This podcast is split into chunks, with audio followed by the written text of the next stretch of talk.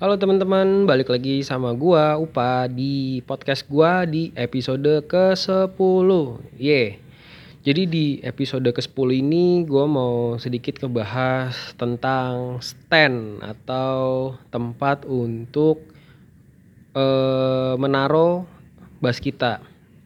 Nah, eh, banyak dari beberapa studio band kalau misalkan teman-teman sering latihan punya keunikan masing-masing di dalam studio bandnya. Jadi ada yang punya stand yang uh, body support. Jadi artinya standnya itu dia cuma sampai setengah sampai body doang.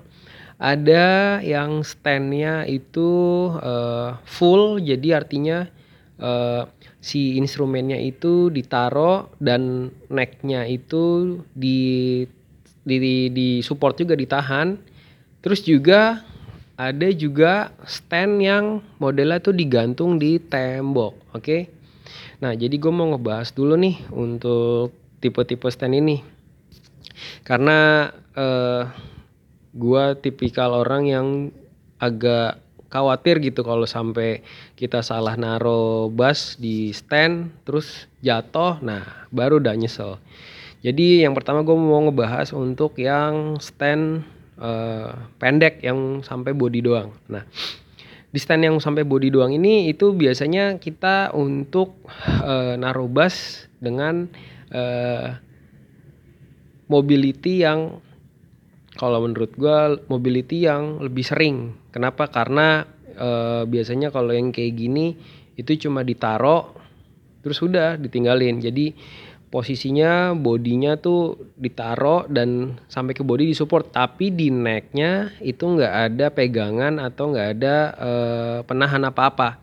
Nah ini lebih lebih stand ini tuh lebih simpel untuk digunain tapi lebih riskan kalau misalkan kita uh, teledor sedikit. Jadi entah posisinya mungkin miring Nah, itu bisa bikin bassnya bergerak dan akhirnya jatuh. Nah, ini yang dikhawatirin kalau pakai stand body yang kecil.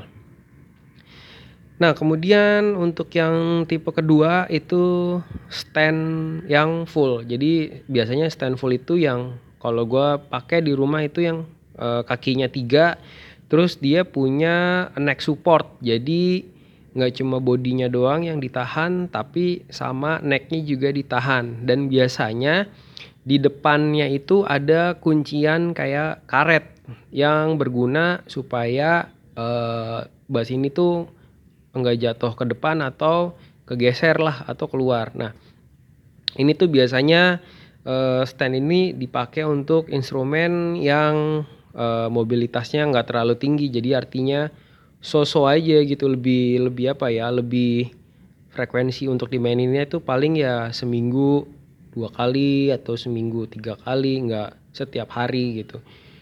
Nah kelebihannya stand ini itu biasanya otomatis si bebannya itu jadi lebih stabil juga sama lebih safety.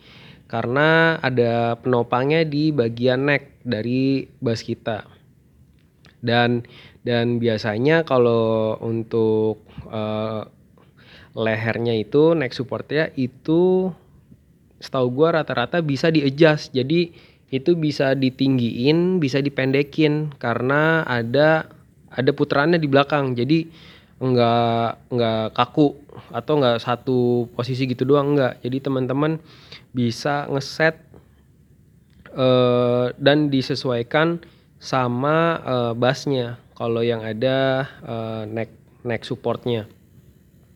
Bantalannya itu juga di neck supportnya itu biasa berupa kayak karet yang empuk. Biasanya sih karet. Sama di bawahnya itu juga karet untuk penahan bodinya supaya nggak gampang rusak sama nggak gampang uh, lecet. Jadi di atas bawahnya tuh karet.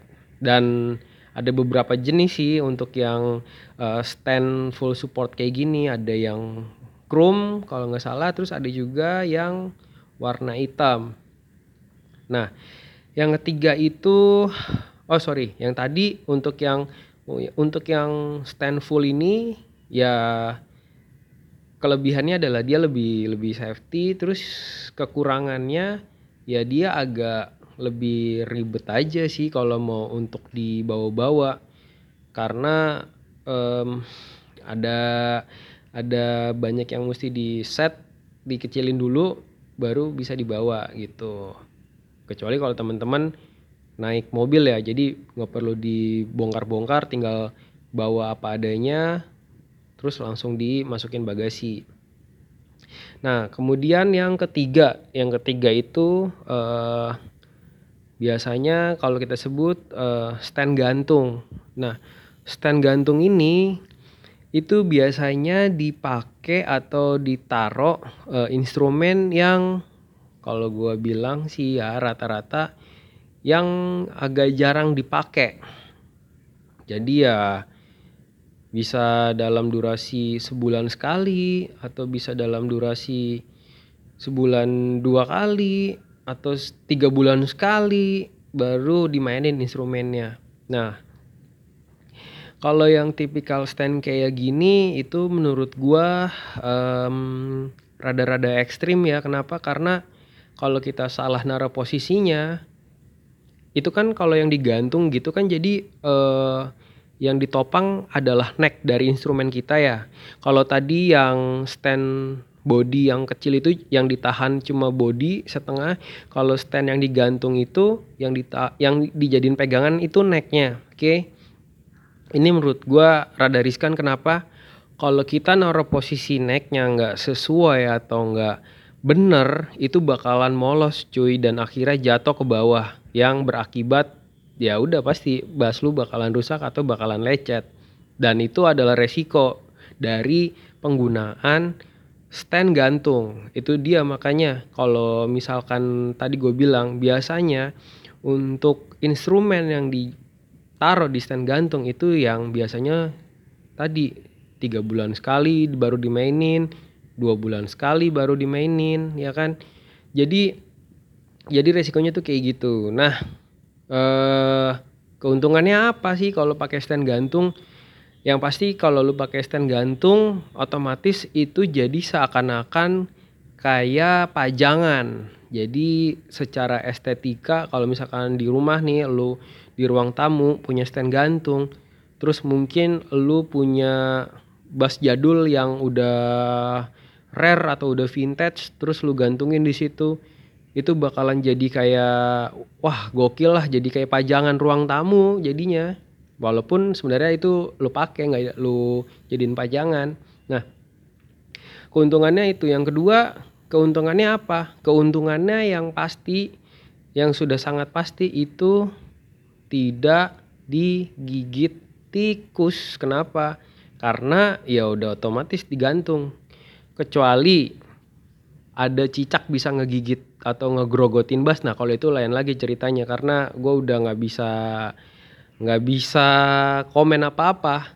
Tapi keuntungannya kalau pakai stand gantung ya eh, bas lu akan akan lebih safety dari hewan-hewan pengerat. Karena mereka nggak bakal bisa ngerusak atau ngegigitin bas lu ya kan? Nah tadi yang sekarang gue bahas kerugiannya. Kerugiannya apa? Kerugiannya yang pasti effort yang harus lu keluarin itu eh, pertama lu harus nyiapin bor ya kan? Sama lu harus rela tembok lu di bor oke? Okay? karena ya mau nggak mau ini adalah uh, resiko yang harus lo tempuh. Jadi lo mesti ngebor dulu temboknya bolongin oke? Okay, nanti itu mesti diukur bener-bener presisi. Kalau nggak presisi ya jadinya tembok lu bolong tapi kalau presisi ya alhamdulillah jadi ngepas gitu ya kan. Kerugiannya itu. Yang kedua kalau lu bener-bener salah naruhnya atau misalkan ketiup angin bergerak udah bakalan gampang banget rusak karena jatuh dari tembok. Dan itu nyeselnya minta ampun. Parah. Apalagi kalau bas-bas yang lu pajang itu bas-bas rare yang udah nggak ada atau udah discontinue lu pajang di situ terus jatuh aduh gila men. Nyesek banget sumpah. Jadi eh menurut gua kerugiannya yang kedua itu. Nah kerugian yang ketiga apaan?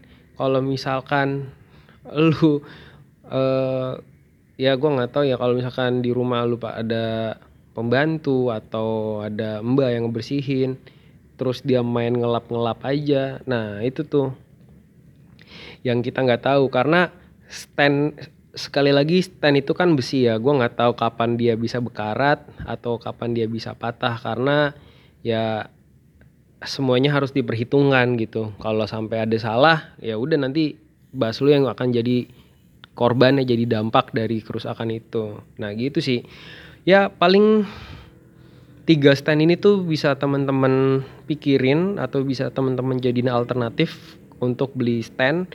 Apakah mau yang kecil yang cuma uh, stand sampai body doang ataukah pengen beli stand yang full yang artinya body sama necknya ke support atau nekat-nekat teman-teman pengen pakai stand yang digantung?